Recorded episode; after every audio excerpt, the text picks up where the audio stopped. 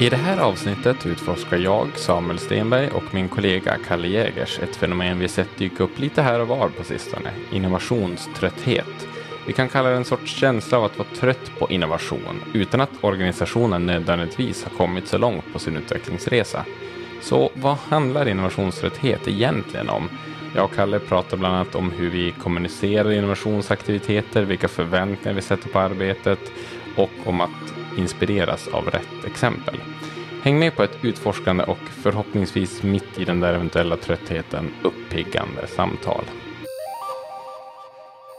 Ja, vi sitter här i det djupaste novembermörkret. Det är eh, snö på snedden, blötsnö ska jag säga, här i Umeå i alla fall. Och det är lite sådär eh, deppigt och jobbigt och så ska vi mata på med ett tema, Kalle, som mm. också handlar om lite depp och jobbigt och motigt. Eh, och hej förresten, Kalle. Hej! Idag ska vi prata om innovationströtthet. Sa han med pepp i rösten. Efter den eh, uppeggningen så mm, känner jag ja, energin flödar. Ja, men vi kan bara ta det upp. Eh, det kan bara gå uppåt härifrån.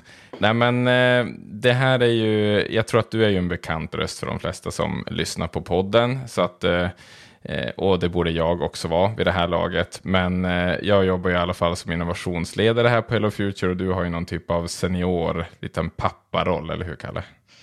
Ja, eller tekniskt sett ansvarig för vårt team här inom innovation och design. Så det, mm.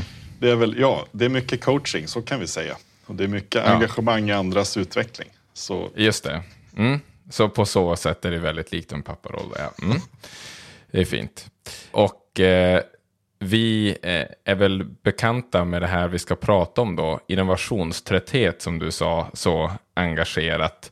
Vi känner väl att det här är lite en, vanligtvis, eller ofta i Transformationspodden, om man har lyssnat förr. så brukar vi ju sätta oss och tänka att det här ska vi reda ut. Nu måste vi definiera upp det här. Vi kan beskriva en tydlig metod för att göra någonting kanske, eller vi går igenom en modell som bringar klarhet och sådana saker.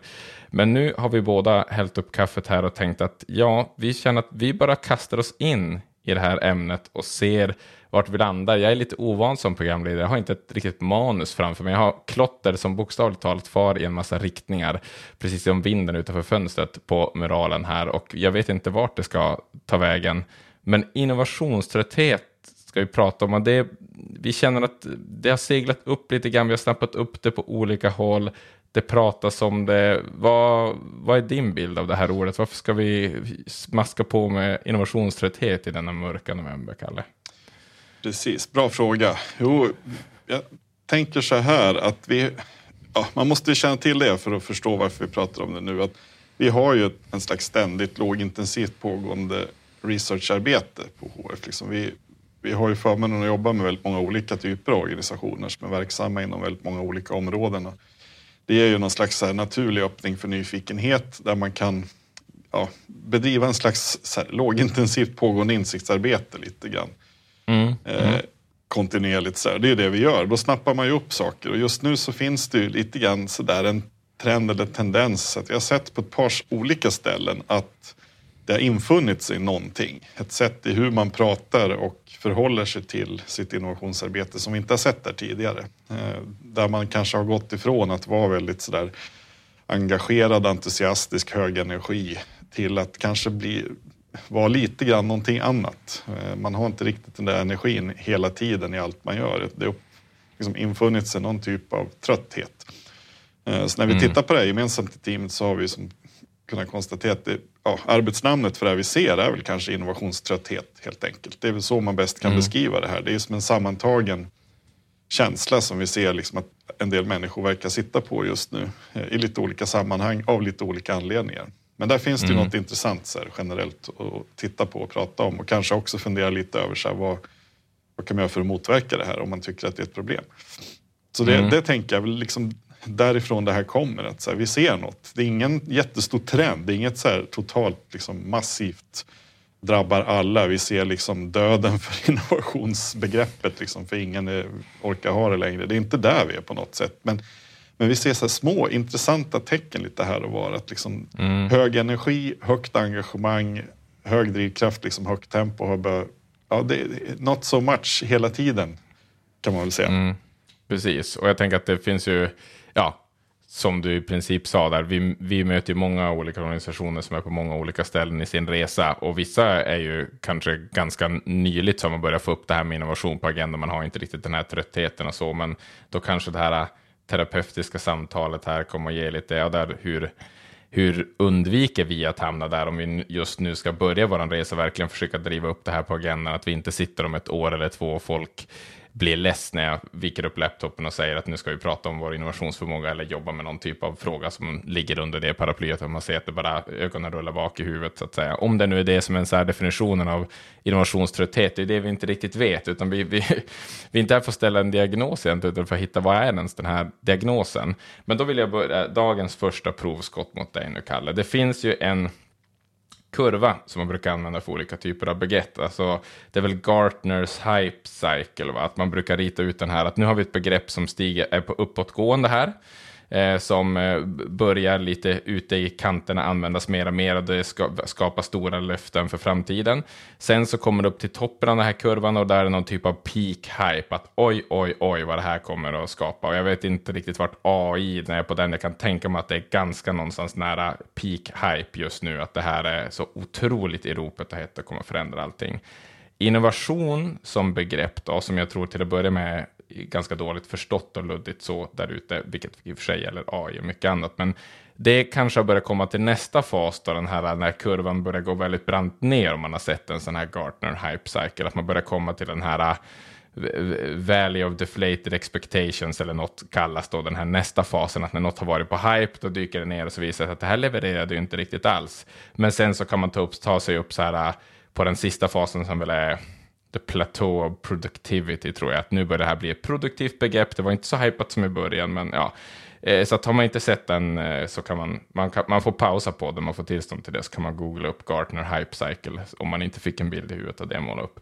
Men kan det liksom vara att det har varit så mycket prat om det och man hypar upp det för mycket i organisationen och sen så är det inneboende att då, då kan det aldrig leverera riktigt på den hypen. För det är det som är poängen med Gartner Hype Cycle. Vad, vad tänker du om den tagningen?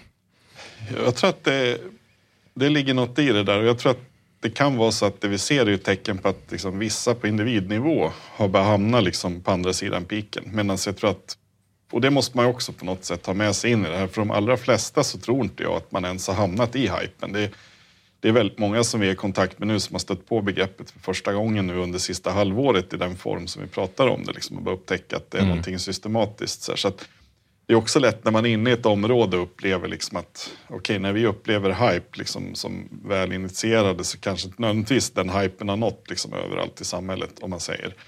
Nej. Eh, men jag misstänker att det finns helt klart en koppling där mellan liksom på individnivå. Jag tror att vissa upplever att de är över den där piken och har hamnat i den här liksom, okej, okay, nu har det varit väldigt mycket liksom löften i det här. Vi har krattat för, vi har investerat i förmåga, vi har liksom skapat förutsättningar och nu, okej, okay, vad händer nu då? Har vi liksom rätt uppbackning för att realisera det här som vi investerat? Så här, kanske inte. Det tror jag kan vara ett skäl till att man blir lite sådär trött på det, hamnar i deflation mode. Liksom att hypen har burit fram till en viss punkt och sen fanns det ingen riktig plan för vad vi ska göra när vi har liksom tagit oss i mål med det här första steget. Att liksom skapa någon slags medvetenhet och förutsättning och vilja och ambition. Mm. Och där tror jag också, det sammanfaller ju en del med liksom där vi ser att en del organisationer är idag. Man har liksom tagit sitt viktiga första steg och investera i begreppet och på något sätt börja liksom inse att det är något vi måste kunna och behärska men vi vet inte exakt hur eller vad vi ska få ut av det. Och när man har tagit det där första steget och liksom på något sätt är i mål med det, för man kommer ju någonstans i något som liknar ett mål även inom innovationssammanhang. Liksom man nått dit, liksom, då, ja, men vad händer sen då? Det tror jag kan vara lite grann känslan av att vissa blir trötta. Att liksom, det, man, när man väl är där så upptäcker man att det fanns ju ingen plan som gick längre än så här. Nu har vi byggt förmåga men vi saknade alla de här sakerna för att få saker att börja hända och liksom omvända de här investeringarna i, i något som faller ut och blir konkret. Då tror jag man kom, mm. det är lätt att hamna liksom i en sån lite så här deflation utförsbacken. Liksom nu. Det, det är mm. ganska lätt att hamna i hype när man bygger de här roliga sakerna i början. Och det är liksom ganska, mm. Man kommer på ganska kort tid får man liksom Ja, det verkar som att det är väldigt mycket som händer och det finns mycket liksom fokus på det vi vill ska hända. Mm, mm. Ja, nu blir det lite mer vardag av det här och det blir inte lika håsat och det blir inte lika... Ja, Nej. inte lika mycket positiv energi som man har draghjälp av runt omkring. Mm.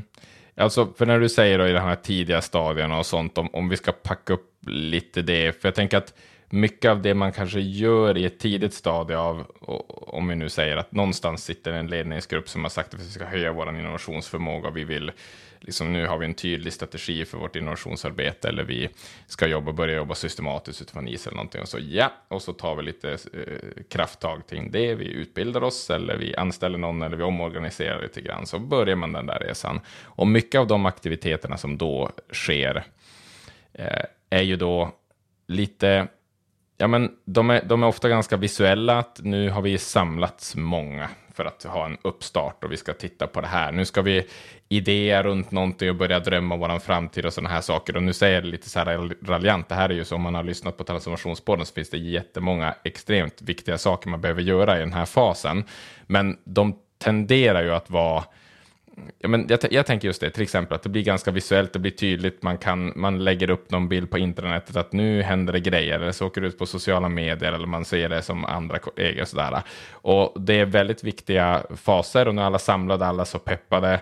Men det är ju inte riktigt, det är ju en liten, liten komponent av innovationsarbetet, men som exponeras ganska mycket. Och särskilt i början, och när motivationen är hög och man är peppad, så blir det väldigt mycket exponering för den där typen av grejer inom organisationen, om vi börjar där då, låt säga, så kanske man är vän med många andra på LinkedIn och så där, som de gör också sådana där grejer och de är ute och gör och nu jäklar är det drag överallt. Och så blir man väldigt mycket exponerad för det innan man ens upplever att någonting har, har hänt. Och sen så kommer de andra delarna av innovationsarbetet som inte alls är lika utåtriktade eller gör sig lika lätt att man fotar att jaha, nu sitter vi här i ett Teamsmöte igen och tröskar vidare hur vi ska gå vidare efter den senaste datan vi har fått in. Det, det, då, då är det ganska mundant och sådär, men ack så viktigt arbete.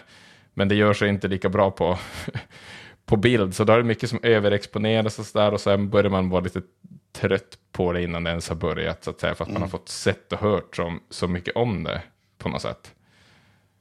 Absolut. Jag tror att det där är en, en stor och viktig del av förklaringen.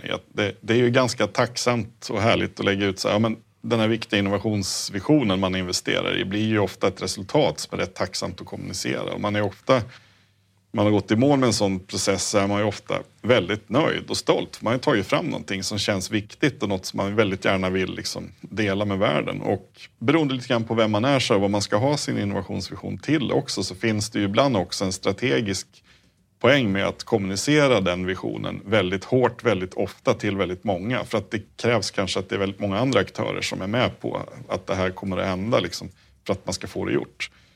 Men det innebär ju också att är man till exempel i en sån organisation på insidan så hör man den där liksom, första målet kommuniceras för 170 gången. Det är klart man kanske blir lite less på det. Liksom. det är inte, ja, då väntar man på något mer och så ser man i vardagen och då sitter man i, i liksom systemstrukturen och jobbar med de här små små viktiga vardagsstegen i innovationsarbetet som liksom, ja, kanske efter 15 år leder till att man har något jättestort resultat att visa upp. Det blir en mm. ganska stor skillnad däremellan. Liksom, när visionen, det här lätt kommunicerade, det som har hög energi naturligt och lätt att skapa entusiasm och det som är liksom, som ni är inne på, där kanske lite mer gritty vardagsjobbet runt innovation. Mm. Och det tror jag också, det, det, hos, hos några vi har liksom sett den här tendensen till trötthet så tycker jag också att där finns det den skillnaden. Liksom, mellan, man ser, och det kanske inte heller är kopplat till ens egen organisation, men om man tittar ut så möts man av liksom stora människor som står på stora scener och kommunicerar stora resultat. Det är liksom innovation, ett jättestort genombrott. Liksom. Här kommer någon och visar upp någon, liksom, ja, nu kommer nästa version av liksom, ChatGPT det, det, är lätt att glömma bort då liksom att de resultaten kanske har tagit 15 år av det här småtråkiga vardagsgrindandet man har gjort att komma till. Eh, mm. Att det är liksom processen som går i mål på det sättet blir oerhört blackboxad och dold. Man ser bara slutresultatet och så ser man liksom tio olika kommunicera det och så tittar man på sitt eget skrivbord och sina egna liksom aktiviteter och känner sig bara väldigt fjuttig. Liksom att det här mm det här är ju inte alls samma sak. Det här är ju liksom små resultat, små grejer som kanske inte har liksom någon koppling till någon känd entreprenör eller någon stor scen eller liksom går att kommunicera på det sättet. Där tror jag att det är mm. lätt att, liksom, mm. att bli trött också när man ser liksom skillnaden däremellan, vilket det också är mm. oerhört liksom, ja, men jag tror att det är svårt att inte hamna där, men det är också viktigt att man liksom kommer ihåg det perspektivet att för att ta den här stora personen upp på den stora scenen med det stora genombrottet så har det krävts liksom, alla de här mm. sakerna jag sitter och gör det lilla ihop med mitt team i mitt sammanhang. De har mm. också gjort det. Den resan fick vi inte vara med på. Den, den görs inte så himla bra på, liksom, på hypade sociala medieinlägg såklart. Och den är inte så himla jätteintressant tror man för någon annan att ta del av. Och därför så kanske man inte lägger särskilt mycket energi på att kommunicera den biten. Nej, nej, nej det, är ju, det här är ju spännande. För nu, nu medan du reder ut det här så står jag och tänker på andra exempel. Eh, så nu kastar jag ut, jag menar man kan gilla ibland att sitta och titta på sport på tv. Och så eh, kanske någon som åker skidor jättefort, längdskidor kan vi ta. Jag gillar också, också åka längdskidor. Eh, där tror jag att väldigt många är väldigt vana att du kan titta på någon på tv som åker längdskidor och så jämför det inte med det. Det skapar inte på något sätt en sänkt pepp att herregud vad den här personen är, är snabb så att säga. Eller oj vad de där, liksom hur hon matas upp för den där backen. Det sänker inte nämnvärt din pepp att sen fara ut och ta en härlig skidtur. För att där är, tror jag att många är ganska tränade i att men vad är mina mål? Vad är min nivå? Jag gör det här som motionär. Jag har tid liksom att bara åka skidor en gång i veckan. Jag jobbar inte med att vara professionell skidåkare som är liksom sponsrad av diverse varumärken. Såna här saker. Och den här liknelsen går att dra med mycket annat. Vi kan titta på det andra har och se att men det där ligger det otroligt mycket jobb bakom. Då.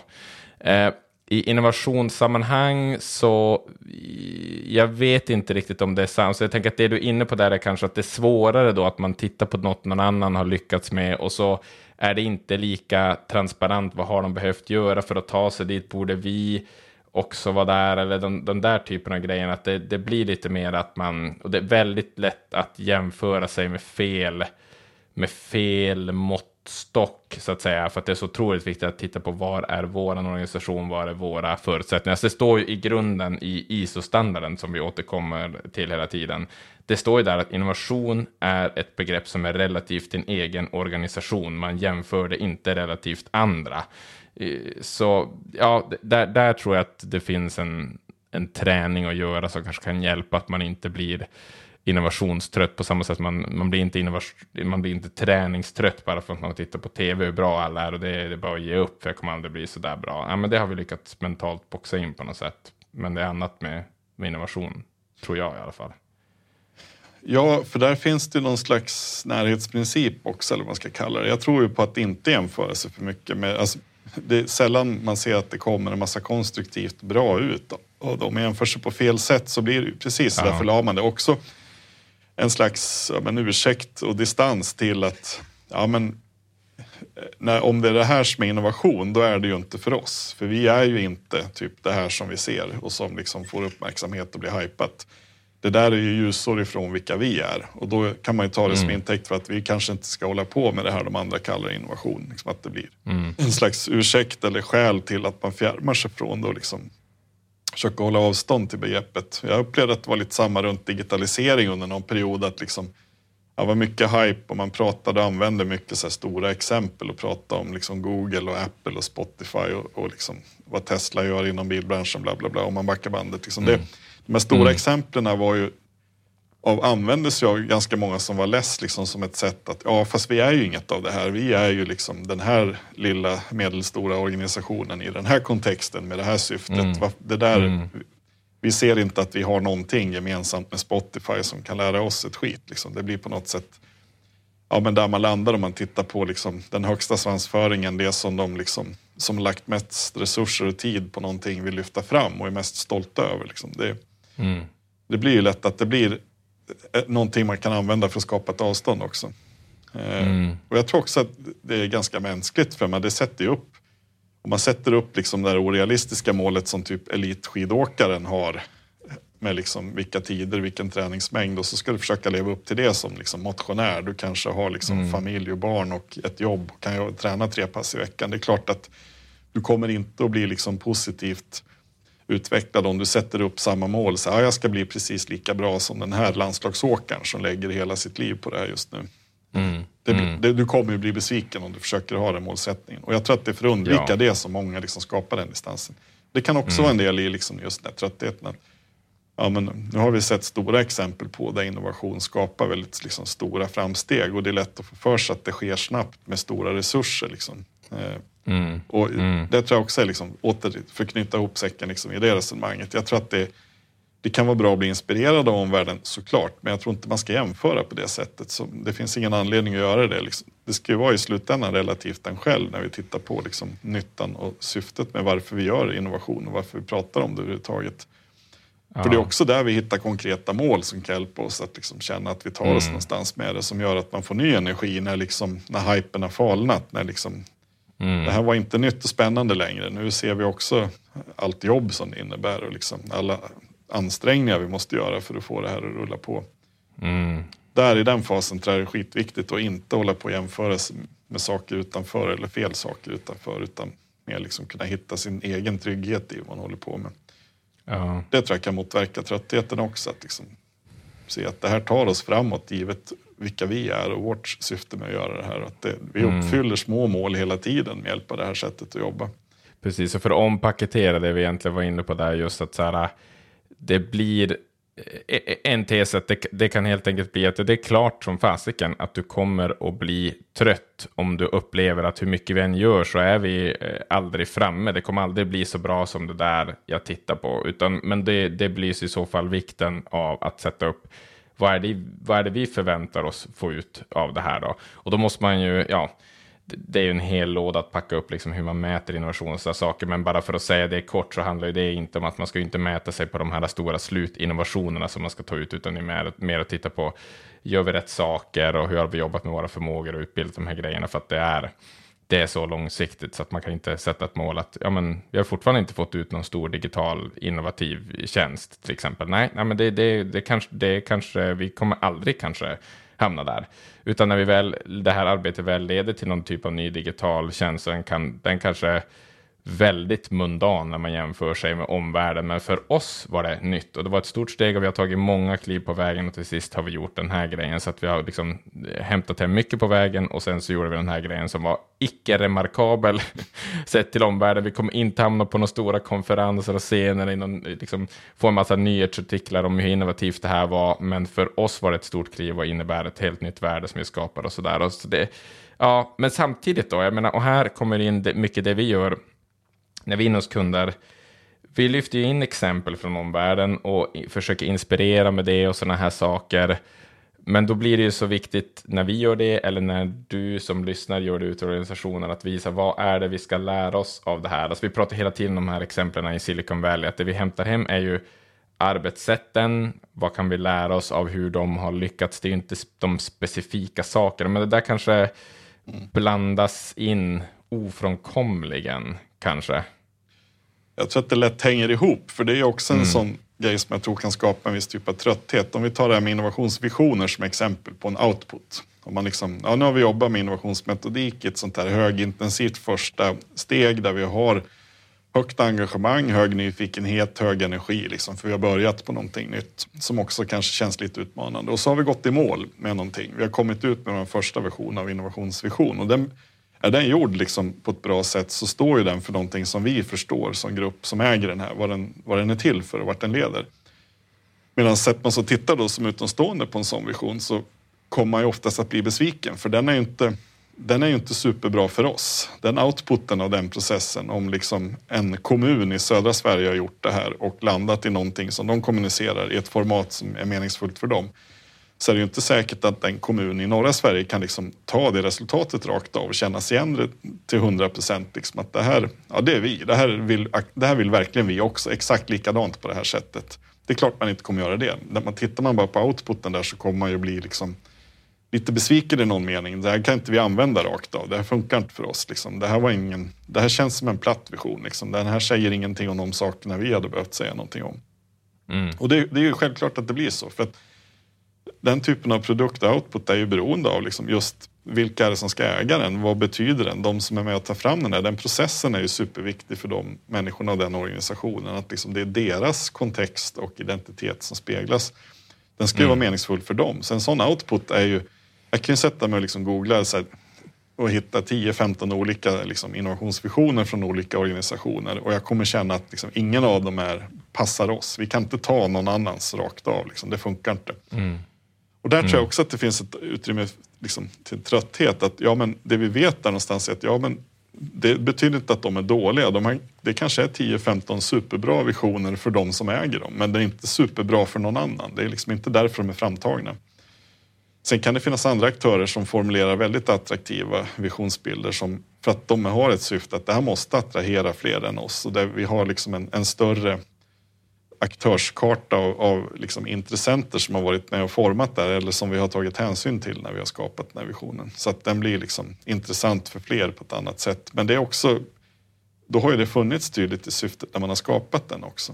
Eh, mm. Och det är ofta mm. där någonstans jag tror att det kan uppstå en trötthet. Man, liksom, man ser som i världen, man får exempel och det känns som att ganska mycket, det är mycket hype och snack runt oh, nu, de här visionerna som ska inspirera och få folk att liksom känna energi och mm. förstå varför vi måste liksom jobba med den här typen av utveckling på det här sättet. Så det faller ju platt mm. om man tar och tittar, bara tittar på andras exempel. Liksom. Då, då känns mm. det inte så himla intressant. För inget av det där är superrelevant för oss när man tittar på det. Ens om det är liksom organisationer som är lika oss.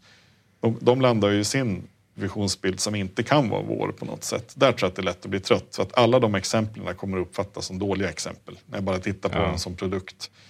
Och som du är inne på, liksom att ja, men det är liksom inte utfallet av en sån process vi kan kopiera, det vet vi. Liksom. Det, är, det är arbetssättet vi, vi kan eventuellt titta på. Liksom, vad gjorde de för att nå dit? Kan mm. vi kopiera arbetssättet på ett bra sätt eller översätta det till vår organisation?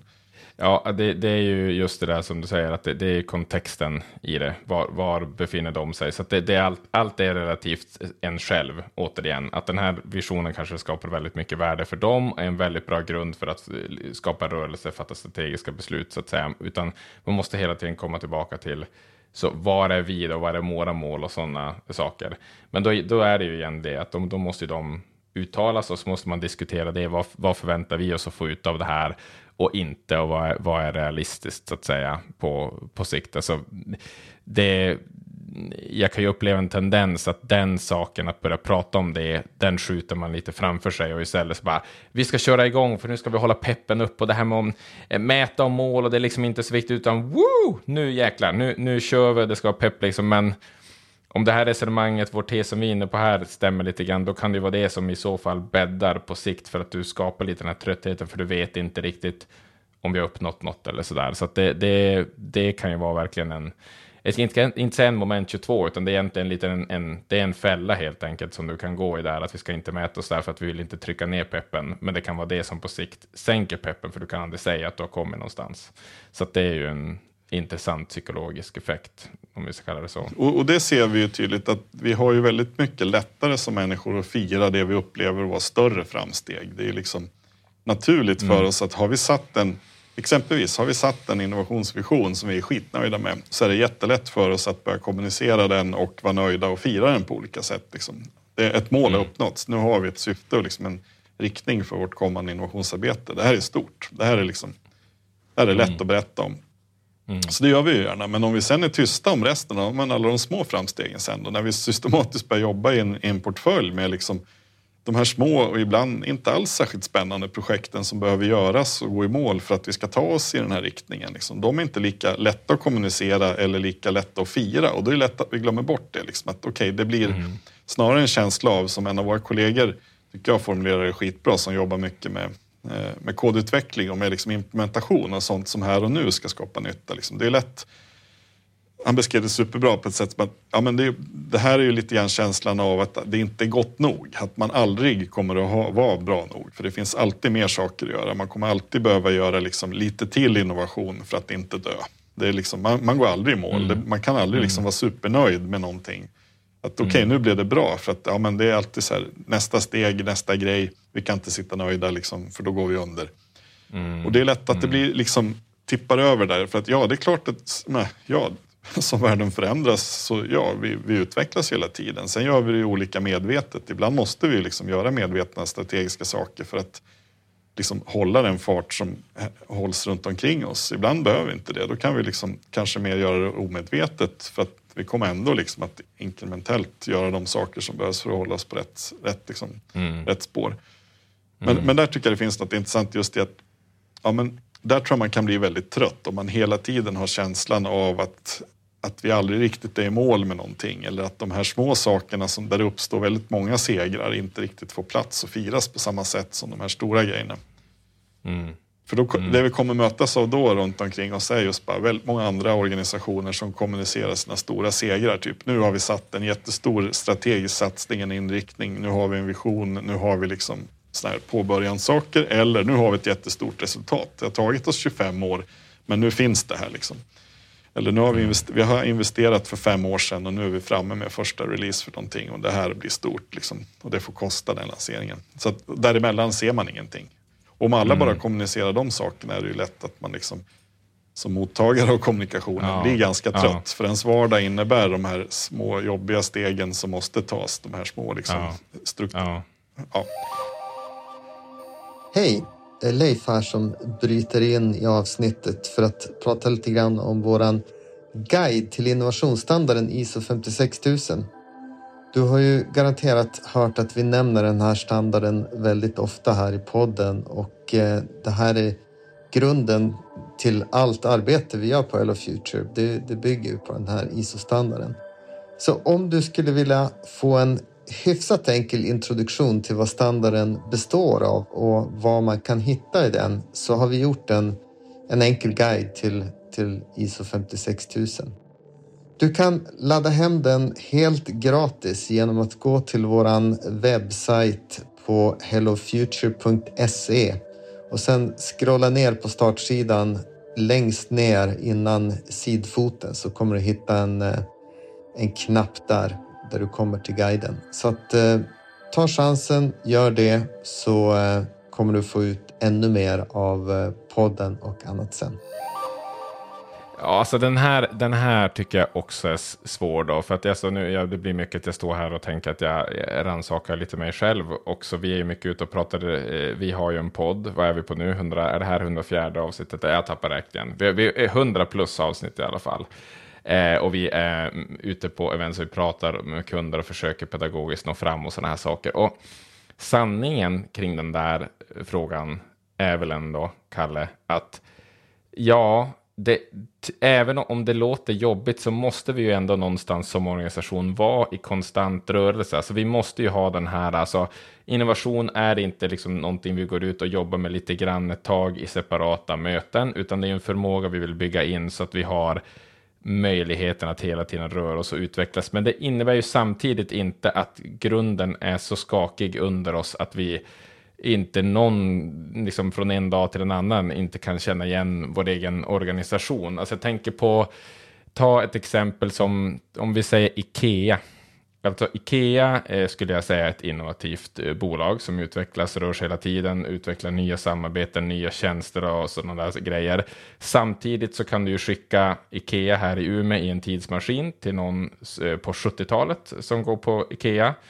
Och de säger bara, jaha, Ikea, det känner jag ju igen precis. Det är lite eljest hit och dit vad det är för produkter, men det är ju ändå väldigt igenkännbart som Ikea. Men en, så att, det, det är kanske det är mycket bättre att tänka på sådana typer av exempel. Att där finns det personer som är i framkant och utvecklar hela tiden och rör sig samtidigt som du kan ha en annan position inom Ikea och uppleva att det är precis samma sak jag gör dag ut och dag in där vi har skapat oss ett, mm, en fördel och en nisch och så förbättrar vi den hela tiden hur man går runt i våra displayer här och liksom upplever den här det här hemmet som man vill ha och sen kommer man till lagret och plockar på sig sina grejer. Det har ju varit konceptet since forever så att säga. Så att, ja, kan vi, liksom, kan, vi, kan vi landa i någonting i den här balansen? För att man måste konstant röras men ändå finns det ju saker som är beständiga och båda de tankarna är sanna samtidigt.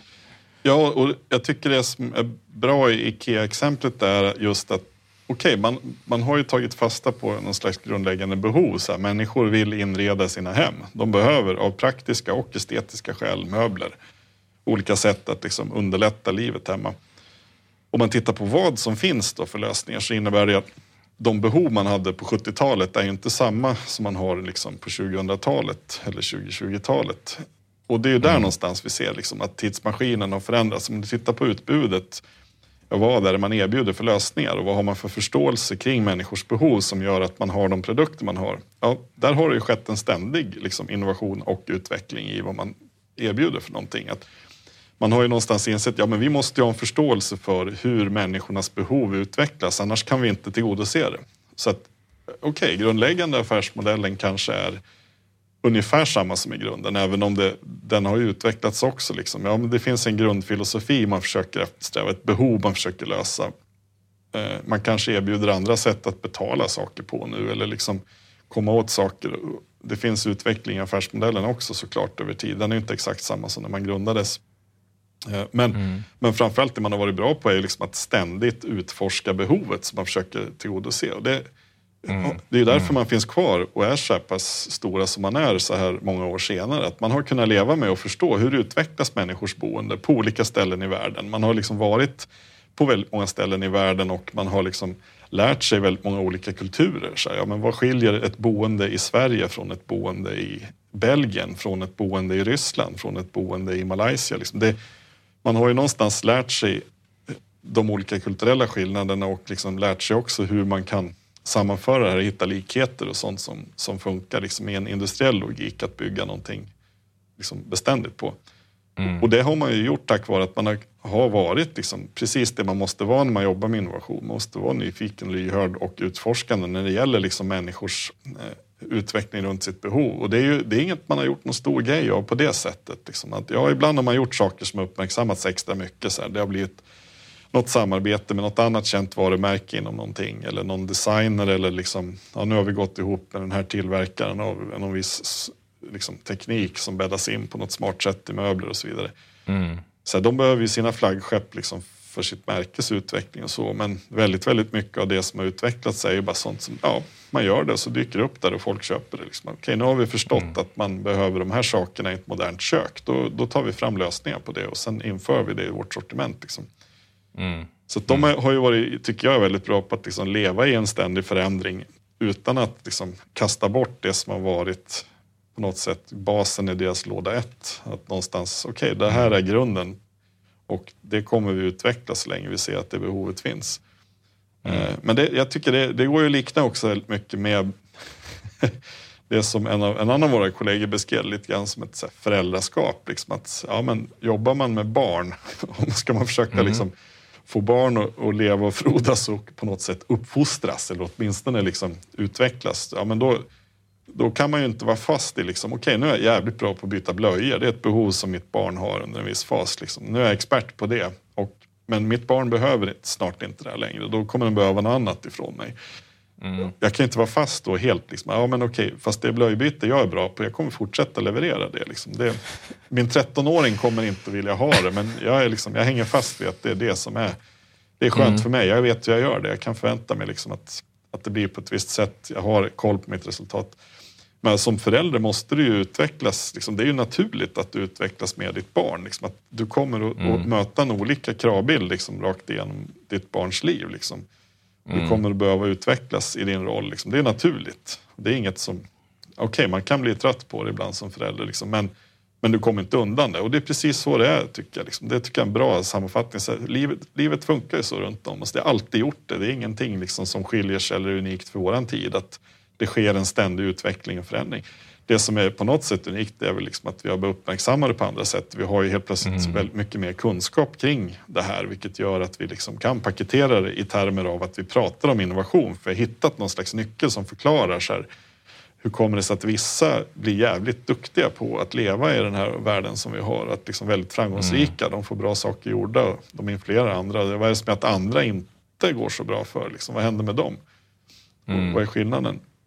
Mm. Och, och, det tror jag mm. också lite grann, om man går tillbaka till hypekurvan, liksom att ja, vi har kanske för vissa personer passerat den här första liksom, nyfikna, glada hype upp, liksom, upp mot piken och hamnat i det här liksom, lite tråkigare vardags. Nu ser vi allt jobbet, nu är det liksom vi kanske inte märker så jättestora framsteg som den här hypen har lovat. Vi har liksom förväntat oss och skapat en slags liksom förhoppning som inte riktigt, vi ser att allting som händer pekar i rätt riktning för att det ska infrias. Och ja, det är klart man blir lite trött i det läget. Och då är det lätt att, liksom nedvärdera alla de små sakerna som händer som är kanske ännu viktigare för att, liksom, att man ska nå dit man vill i slutändan eller liksom känna att det här mm. ger någonting.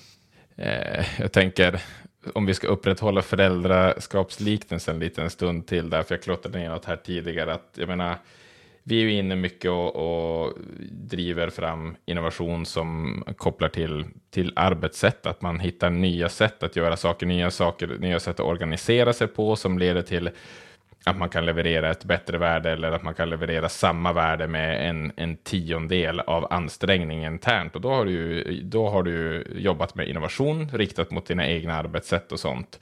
Men det är inget som kommer att synas utåt, men internt då så att säga så, så har det löst någonting. Och där tänker jag då som en som ofta behöver få iväg två eh, busiga småkillar till förskolan så att säga, att du kan hitta ett nytt arbetssätt då, så att säga som gör att du så här, oh ja men shit, om vi gör så här och så lägger vi upp det på det här sättet, då tar vi oss iväg ut med mycket mindre eh, skrik och bråk och på tid och sådana saker. Men det är inte så mycket ja, det, det, är för att gå tillbaka till det här med det visuella och sådana här saker. Att vad, vad, ska jag ta en selfie på mitt nya arbetssätt när jag klär på killarna och lägga ut på Insta? Alltså det, det går inte att kommunicera så att säga. Och det är också, alltså just nu i, i talande stund så kör vi en, en innovationssprint med en av våra kunder som riktar sig just mot arbetssätt och sådär. Jag tror att det kommer bli ett grymt resultat av den, eh, vad det verkar. Men eh, Eh, det kommer inte bli någonting som är så spektakulärt eller något sånt där, utan det handlar helt enkelt om att man nyttjar innovationsmetodik för att, eh, för att låsa upp nya sätt att arbeta på och ta beslut som annars bara har legat på borden som aldrig har fattats. Men, men det är också grymt värdeskapande, men det är inte så mycket som man ser utåt eh, av. Men, men för att sy ihop den säcken då så kan jag då känna som förälder så ibland, ja men då kan det vara lite Eh, då, då, saknar man ju ibland den här belöningen att shit vad bra jag gjorde det här, shit nu har jag liksom löst det här och sådana grejer för bara de här olika arbetssätten. Men jag kan inte få någon snabb kick och lägga ut det på sociala medier och få en massa likes för att vi har bakat så häftiga pepparkakor, för då blev det minsann något visuellt så att säga. Eh, och, och, det är lite samma där, att då gäller det verkligen att belysa de här typerna av innovationer och förändringar som vi gör som inte är så visuella. De borde man ju verkligen lyfta upp och fira och eh, Eh, ja, ja, men lyfta internt så att säga, så att man känner av dem också, bara för att man inte kommer få så mycket flashig feedback från kunderna eller så, eh, så innebär det inte att det inte är värdeskapande så att säga. Nej, precis, Så där måste man ju som organisation kanske och, det är inte så himla stort jobb att göra. Det motsvarar ju liksom att, ja men okej, när ungarna väl sover på fredagskvällen så kanske man unnar sig en kvart som föräldrar med att liksom, okej, nu, vi tar ett glas vin äter upp en god ost och liksom bara reflekterar över att de har överlevt den här veckan också. Det är liksom, alla är vid liv, vi har tagit oss hit. Vi gjorde faktiskt en del bra grejer. Så där. Och det, ja, den där, nummer ett, han lyckas ju faktiskt med de här sakerna själv nu. Det är lite kul att se. Mm. Och nummer två har vi ju mm. liksom fått att sluta göra den här grejen som inte är så bra att göra. Och nu har liksom tvåan insett mm. det också och liksom lyckats på något mm. sätt ta sig vidare. Så ja, vi har ändå lite små segrar vi kan fira. Mm. Jag tror att det är den motsvarigheten vi måste hitta liksom, som, för att motverka tröttman.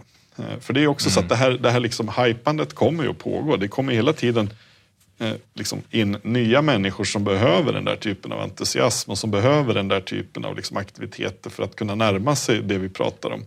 Medan är ja. du förbi det, då har ju inte det där något annat syfte än att påminna bara om hur lite som har hänt. Liksom. Så att någonstans mm. där, då måste man ju hitta något annat. Så att okej, okay, jag kanske kan stänga ner det där och inte vara så liksom, på något sätt eh, upptagen av mitt flöde av den där typen av, liksom, av, av pepp och energi och hype. Jag, kan liksom, jag kanske struntar i den biten för att nu finns det liksom mm. saker att fira varje, liksom, varje vecka. Det kommer att hända små saker och jag måste kanske lägga mitt fokus där istället för att hålla energin uppe och för att liksom kunna se mm. vilka framsteg som faktiskt blir. Mm. Och någonstans mm. låta omvärlden hålla på med sin hype just där. För den kanske är jätteviktig just nu för att nu är det nya människor som börjar upptäcka det här och som liksom får det där som en slags första ögonöppnare in att vänta nu. Det här är ingenting som bara gäller liksom stora drakarna runt omkring. Det här kommer ju beröra oss också. Vi kanske måste börja förstå det här lite bättre eller se liksom, vad kan det här bli för oss. Så att, ja, men okej, mm. det kanske är den typen av öppning som behövs för att man ska liksom mm. våga ta det klivet. Samtidigt vill jag ju vända på det här nu, för det, jag tänker att vi inte, där vi inte ska landa så att säga, eller det jag inte vill att man tar med sig är då på något sätt att, men oj, som det ni är inne på nu, Kalle och Samuel, stämmer, då är det ju verkligen farligt att hålla på och hypa upp och ut och kommunicera och peppa att man ska dela alla de här visuella grejerna, för det, det ska man inte heller ta med sig, för kommunikation av av det som händer och så är ju viktigt, alltså att loopa in organisationer och så vidare, så tillvida att du inte har gjort en, om det inte är så att du har gjort en analys innan att vi har en sån kulturellt eh, utmanande situation i bolaget att vi nästan måste blackboxa innovationen, att den får ske här borta för det kommer att röra upp för mycket känslor. Om man inte har hittat den insikten, då, då är det ju bra att kommunicera så där, men det är väl bara att göra det med lite eftertanke och när gör man det och vad och, och vad är budskapet och att ta med sig alla de där sakerna. För det är inte att man inte ska kommunicera och visa på vad som händer. Det, det, det får man inte ta med sig, tänker jag då.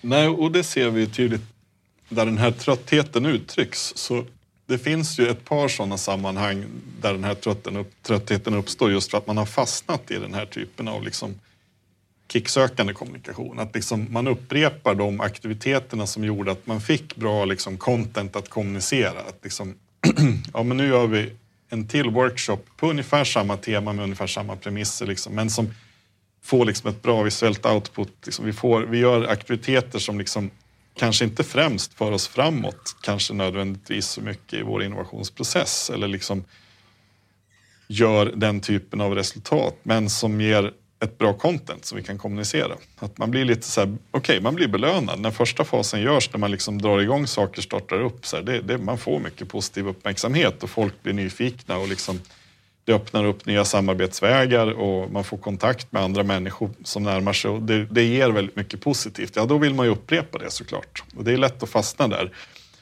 Vi hade en jättespännande idéworkshop med 40 anställda. Det blev skitbra resultat. Låt oss köra en till det här, mm. okej, okay, vi gör en till och den, då måste vi ha en tredje för det här ger fortfarande liksom jättebra och roliga idéer, det ger ett bra output, mm. vi får bra bilder, det blir liksom mm. mumma för Det var kul, man får feedbacken att ja. det var så roligt det här. Och, ja. ja men exakt, och det är jättelätt att fastna i det, liksom att, ja men okej, vad hände med resultatet från workshop 1 och liksom, hur tar vi det mm. vidare?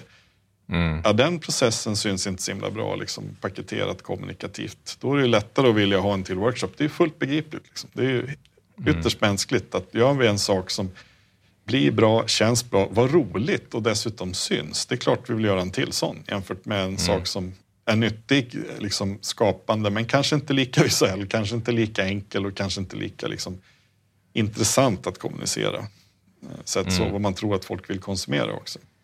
Mm. Eh, mm. Så där finns det ju en mm. utmaning. Så här, Ja, kommunikationen är viktig. När man väl gör de här viktiga sakerna, det är klart att det är ett viktigt jobb att ta fram en innovationsvision till exempel. Och det, ibland så krävs det verkligen att man gör kraftsamlingar för att strukturera upp ett idéarbete till exempel. Det är liksom, nu, nu är vi i det läget att vi måste få in nya idéer och inventera vad som finns. Liksom. Det jobbet ska göras, det måste mm. göras. Liksom.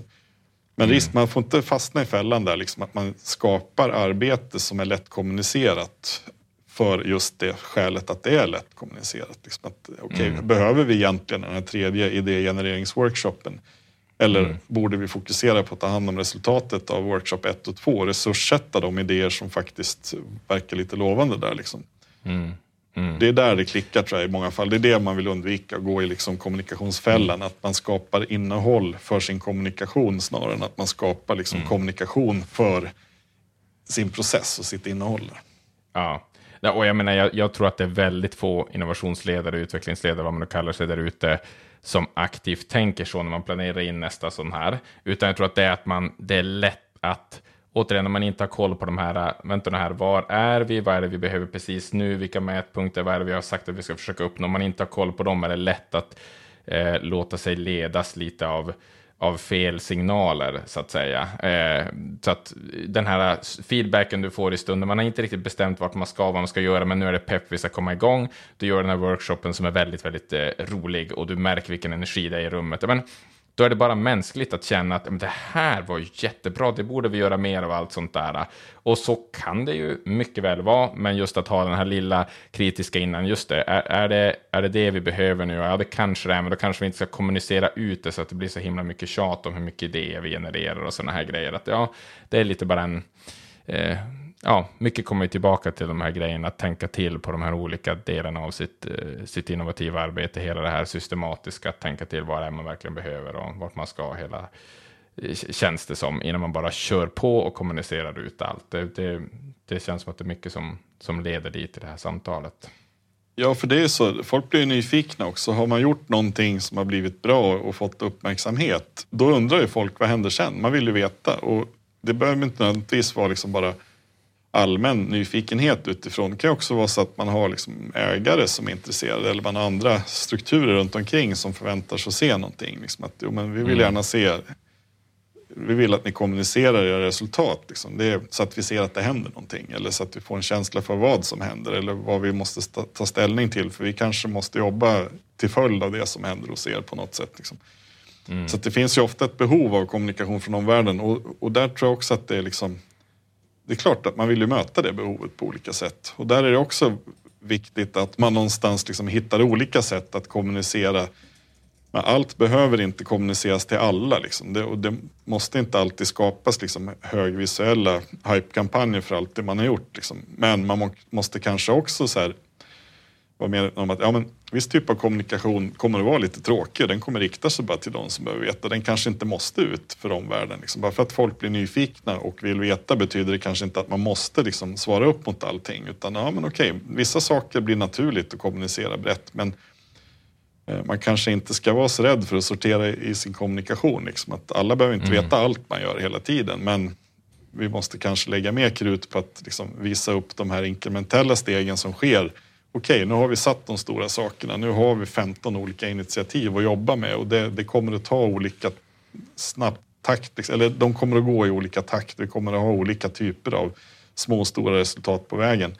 Vi måste liksom förhålla oss till det. En del saker behöver kommuniceras kontinuerligt med, liksom, med människor som har ett naturligt skäl till att behöva den infon.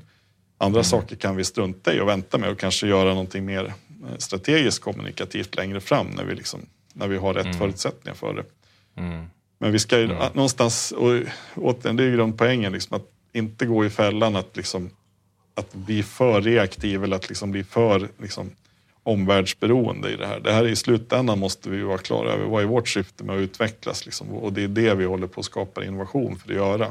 Det är det vi vill uppfylla. Det är inte för att vi ska se bra ut liksom, i vår kommunikation först och främst som vi jobbar med innovation. Utan det gör vi för att vi ska vara bra nu och mm. i framtiden. Och det gör att de första framstegen vi gör kanske med hjälp av innovationsmetodik, det är inte att vi uppfinner ett nytt Uber, liksom, utan det är snarare kanske så att ah, nu hittar vi ett nytt sätt att hantera fordon i den här strukturen som vi sitter i. Liksom. Ah, mm. Det är jätterelevant för en väldigt liten klick människor och det skapar en bra lösning för samhället i ett systemperspektiv. Men Mm. Det är inte jättesexigt kommunikativt eller liksom inspirerande eller spännande.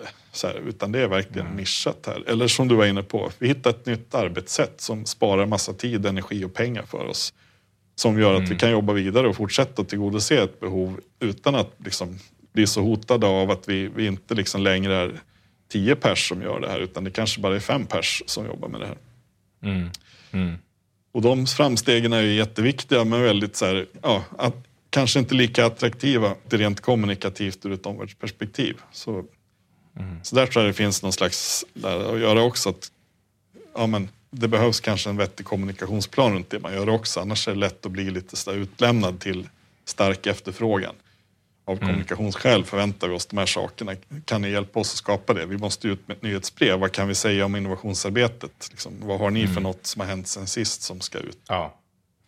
Nej, men, och, och, då kommer man till det här, vi måste kommunicera ut att det händer saker, att vi gör saker för att vi har ännu inte den här jättestora mm. innovationen. Så då är det ju ett att okej, okay, men det är kanske inte, ni kanske aldrig kommer att kommunicera ut den jättestora innovationen, utan vi måste kommunicera ut de små vinsterna så att säga. Och så kanske att hellre då trycka ner på allt kommunicera, att vi måste ju kommunicera att det gör saker för att som sagt det kan få en lite, en lite motsatt effekt.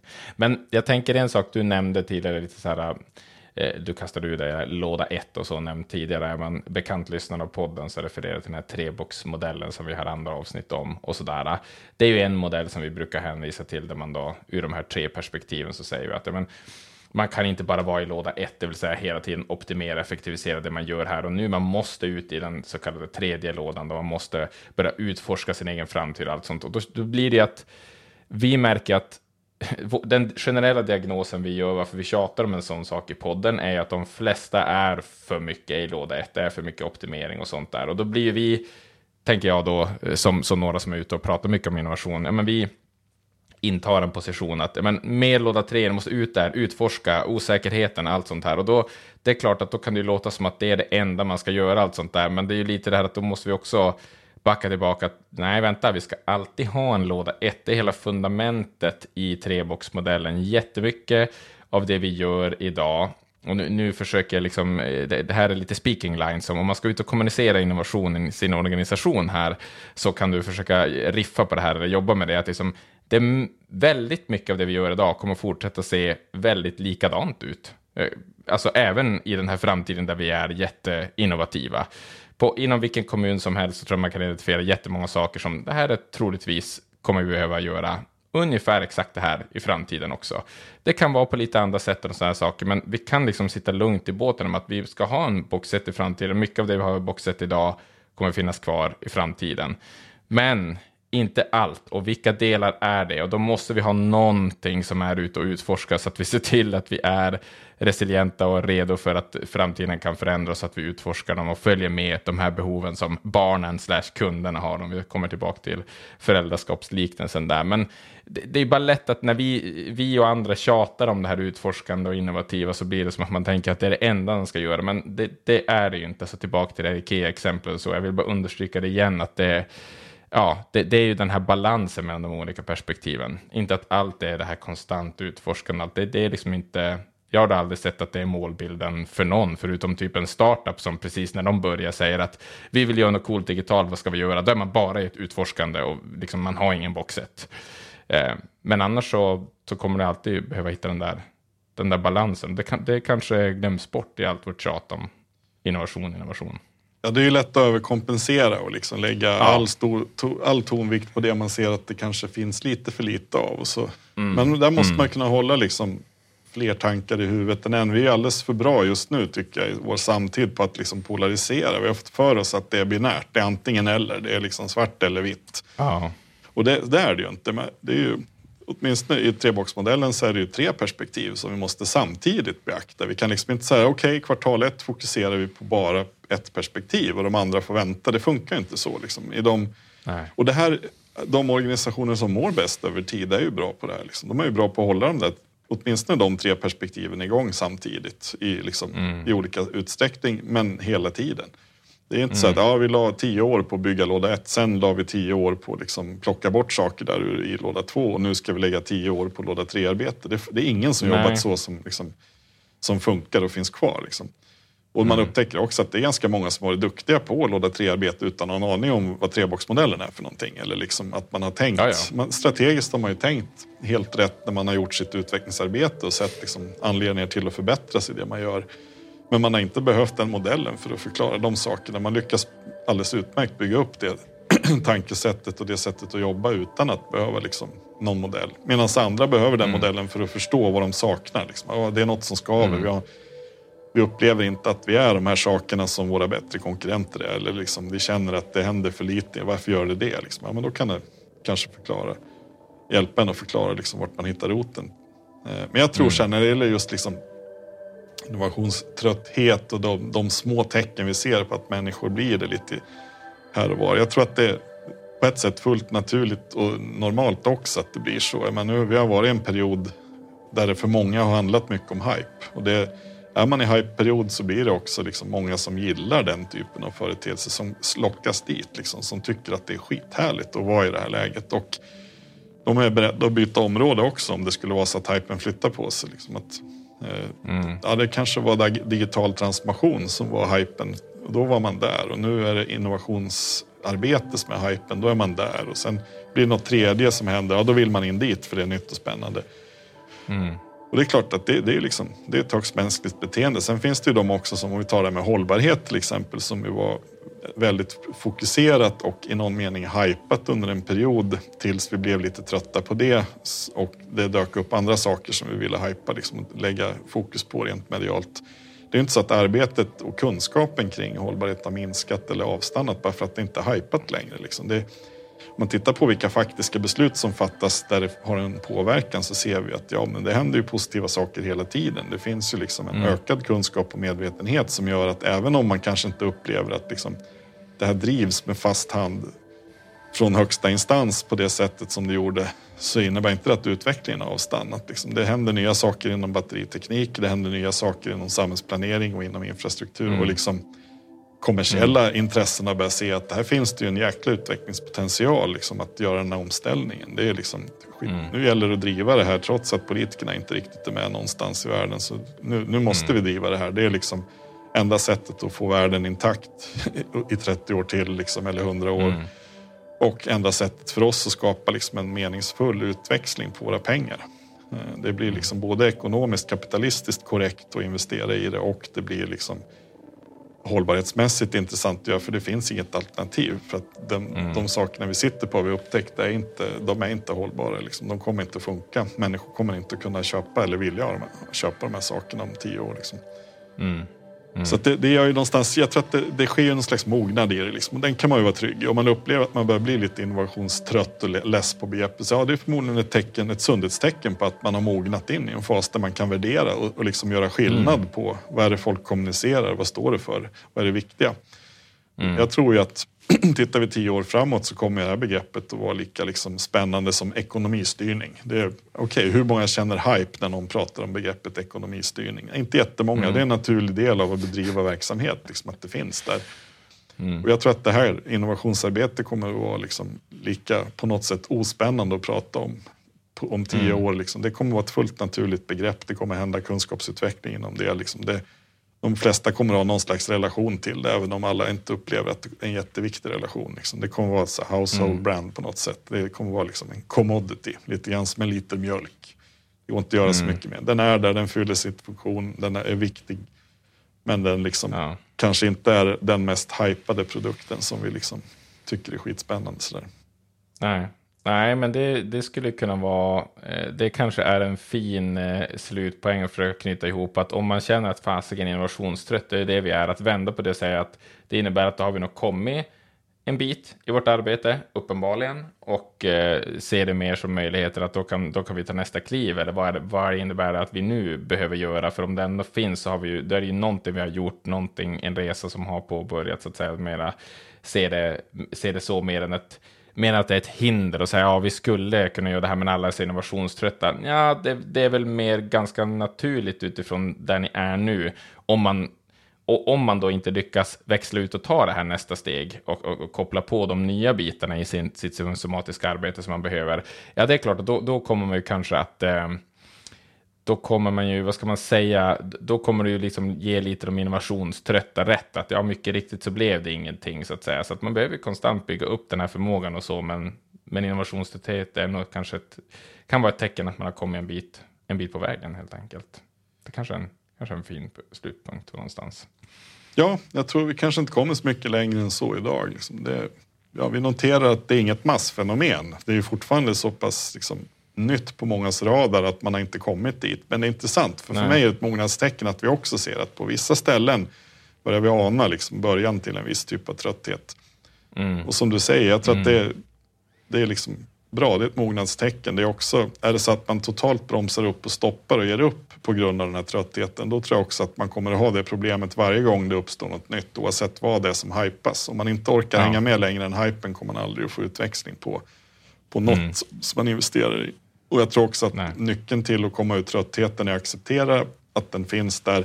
Och också att acceptera att det, är liksom, det innebär inte att vi ska överge det här. Vi måste kunna hålla på med liksom fler tankar i huvudet samtidigt än en. Mm. Det kan inte, ja, fast nu, nu pausar vi det här med innovation, struntar i det, för nu är det typ ja, nu är det kompetensförsörjning som är vårt problem att lösa. Då ska vi skita i allt som har med allting annat och bara liksom foka på det begreppet. Så här.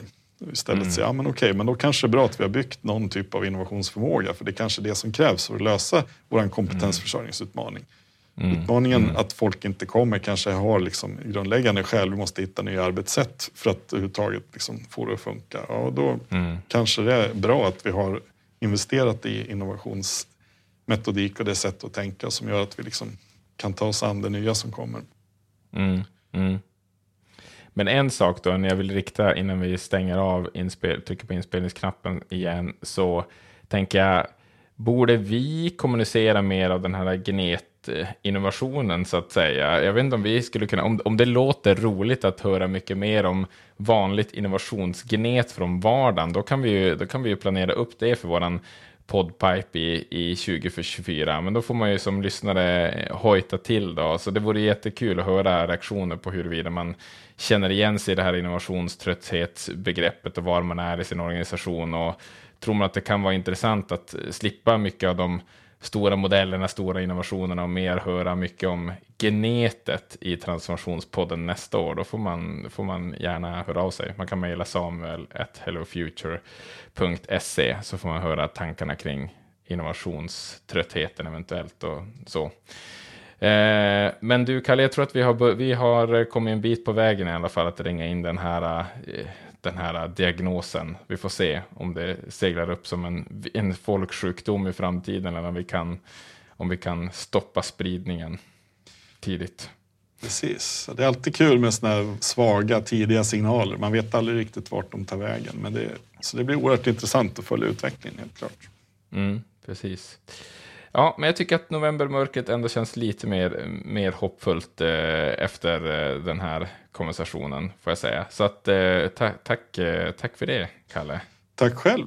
Och eh, på återhörande till alla lyssnare i nästa avsnitt av eh, Transformationspodden. Men tills dess, ha det så bra. Hej då. Hej då.